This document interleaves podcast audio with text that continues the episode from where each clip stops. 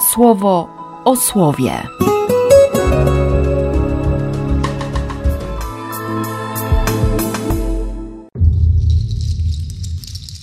Dwudziesty trzeci października, sobota. Z listu do Rzymian. Nie ma już zatem żadnego wyroku skazującego na tych, którzy są w Chrystusie Jezusie. Prawo ducha, dającego życie w Chrystusie Jezusie, uwolniło cię od prawa grzechu i śmierci. Niezdolność tamtego prawa spowodowana była przez ciało. Dlatego w sprawie grzechu Bóg posłał swojego syna w ciele takim jak każde grzeszne ciało i wydał w tym ciele wyrok skazujący na grzech, aby sprawiedliwość wymagana przez prawo stała się pełna w nas, postępujących już nie według ciała, lecz według ducha. Bo żyjący według ciała myślą o tym, co należy do ciała, a ci według ducha o tym, co należy do ducha. Zamysły ciała śmiercią, zamysły ducha życiem i pokojem. Gdyż zamysły ciała wrogością w stosunku do Boga nie poddaje się ono prawu Bożemu, nawet nie potrafi. Trzymający się ciała Bogu podobać się nie mogą. Wy nie trzymacie się ciała, lecz ducha, jeśli oczywiście duch Boży w was mieszka. Jeżeli ktoś nie ma ducha Chrystusowego, ten do niego nie należy. Jeśli w was jest Chrystus, ciało wasze martwe z powodu grzechu, duch natomiast życiem z racji sprawiedliwości. A jeżeli mieszka w was duch tego, który Jezusa wskrzesił z martwych, to ten, który Chrystusa wskrzesił z martwych, z racji mieszkającego w was swojego ducha, ożywi także wasze podległe śmierci ciała. Z Ewangelii według świętego Łukasza. W tym czasie przybyli jacyś ludzie i opowiedzieli mu o Galilejczykach, których krew Piłat zmieszał z krwią ich ofiar. Na to im rzekł: Czy myślicie, że ci Galilejczycy, skoro to ich spotkało, byli większymi grzesznikami niż wszyscy inni Galilejczycy? Oświadczam wam, że nie. Ale jeśli się nie nawrócicie, wszyscy podobnie zginiecie. I czy myślicie, że owych osiemnastu, na których zawaliła się wieża Siloam i zabiła ich, było większymi winowajcami niż wszyscy ludzie mieszkańcy Jeruzalem? Oświadczam wam, że nie. Ale jeśli się nie nawrócicie, wszyscy tak samo zginiecie. I opowiedział taką przypowieść. Miał ktoś figowiec zasadzony w swojej winnicy. Przyszedł, aby poszukać na nim owocu. Jednak nie znalazł.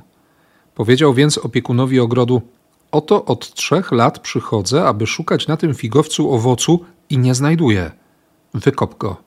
Po co ma również tę ziemię uczynić bezużyteczną? On na to mu rzekł: Panie, zostaw go jeszcze na ten rok, żebym go okopał i dorzucił nawozu.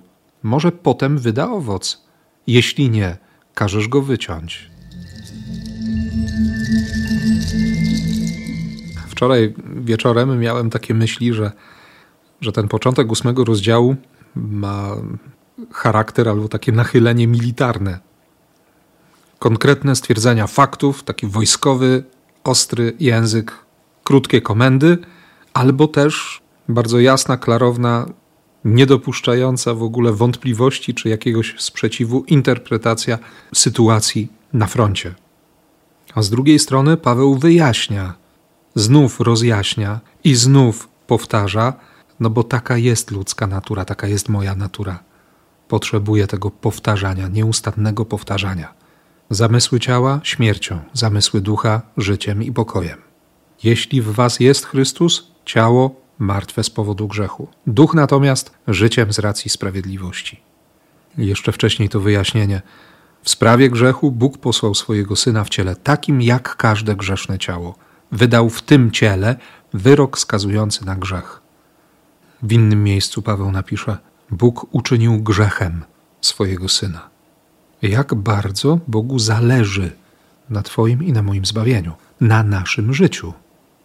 Wiem, że potrzebuję właśnie takiej lapidarności, takiego konkretu, że to głoszenie jest konieczne dla mnie. Zwięzłe zdania, prosty, prawie prostacki język, bo przecież słowo nie przychodzi po to, żeby, żeby jakoś tam mamić, zwodzić kunsztem, nie wiadomo jakim, jak to często bywa w różnych innych słowach pozbawionych treści. Ale to słowo ma siłę, ma ten dynamizm. Słowo może rozerwać te wszystkie nawyki, jakieś łańcuchy uzależnień, po to właśnie, żeby się objawiło życie, nie? życie Boga. I wiem, że ten tekst znów jest dla mnie lustrem. I widzę swoje zmagania, i, i wygrane, i przegrane te bitwy, i, i ta walka, czasami trochę podjazdowa, czasami sabotaż jakiś, nie? I widzę to, co robi demon, i widzę to, co robi Bóg. I na takie słowo chcę naprawdę powiedzieć Amen nie? dzisiaj. Podobnie jak na Ewangelię. Nastał nowy prokurator w Judei, więc profilaktycznie, żeby było wiadomo, kto ma tutaj władzę, wysłał część kohorty na plac świątynny i, i dokonała się rzeź. Bo Galilejczycy często się buntowali, a przecież but rzymski i orzeł imperium nie pozwolą z siebie szydzić albo podnosić zbyt wysoko głowy. Byli większymi grzesznikami? Nie, ale jeśli się nie nawrócicie, zmienić myślenie. Jeszcze potem ta jedna zwierz, Siloam, akurat było tam 18 osób, zawaliła się, zginęli.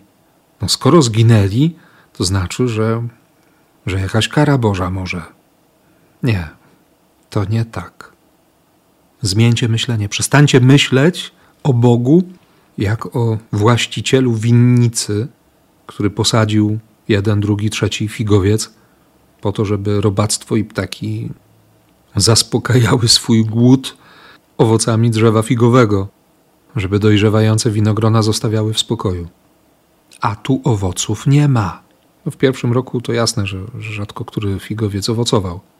Ale drugi, trzeci, czwarty, piąty rok, no pomimo tego, że w tym pierwszym roku owocowania cały zbiór należy do Pana, a w drugim cały zbiór należy do wdów, sierot, do przybyszów.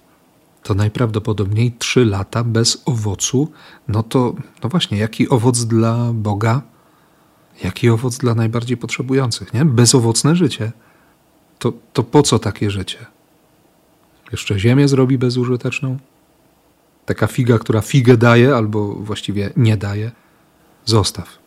Zostaw jeszcze na ten rok. Okopię. Dorzucę nawozu. Odsłonię to wszystko. Nie? Sprawdzę, gdzie jest źródło. Zostaw. Miej cierpliwość nade mną, a oddam Tobie. Tak sobie myślę o tej cierpliwości Boga i o tym, że On nie pozostawia na rok. On naprawdę daje całe życie. I to jest szansa.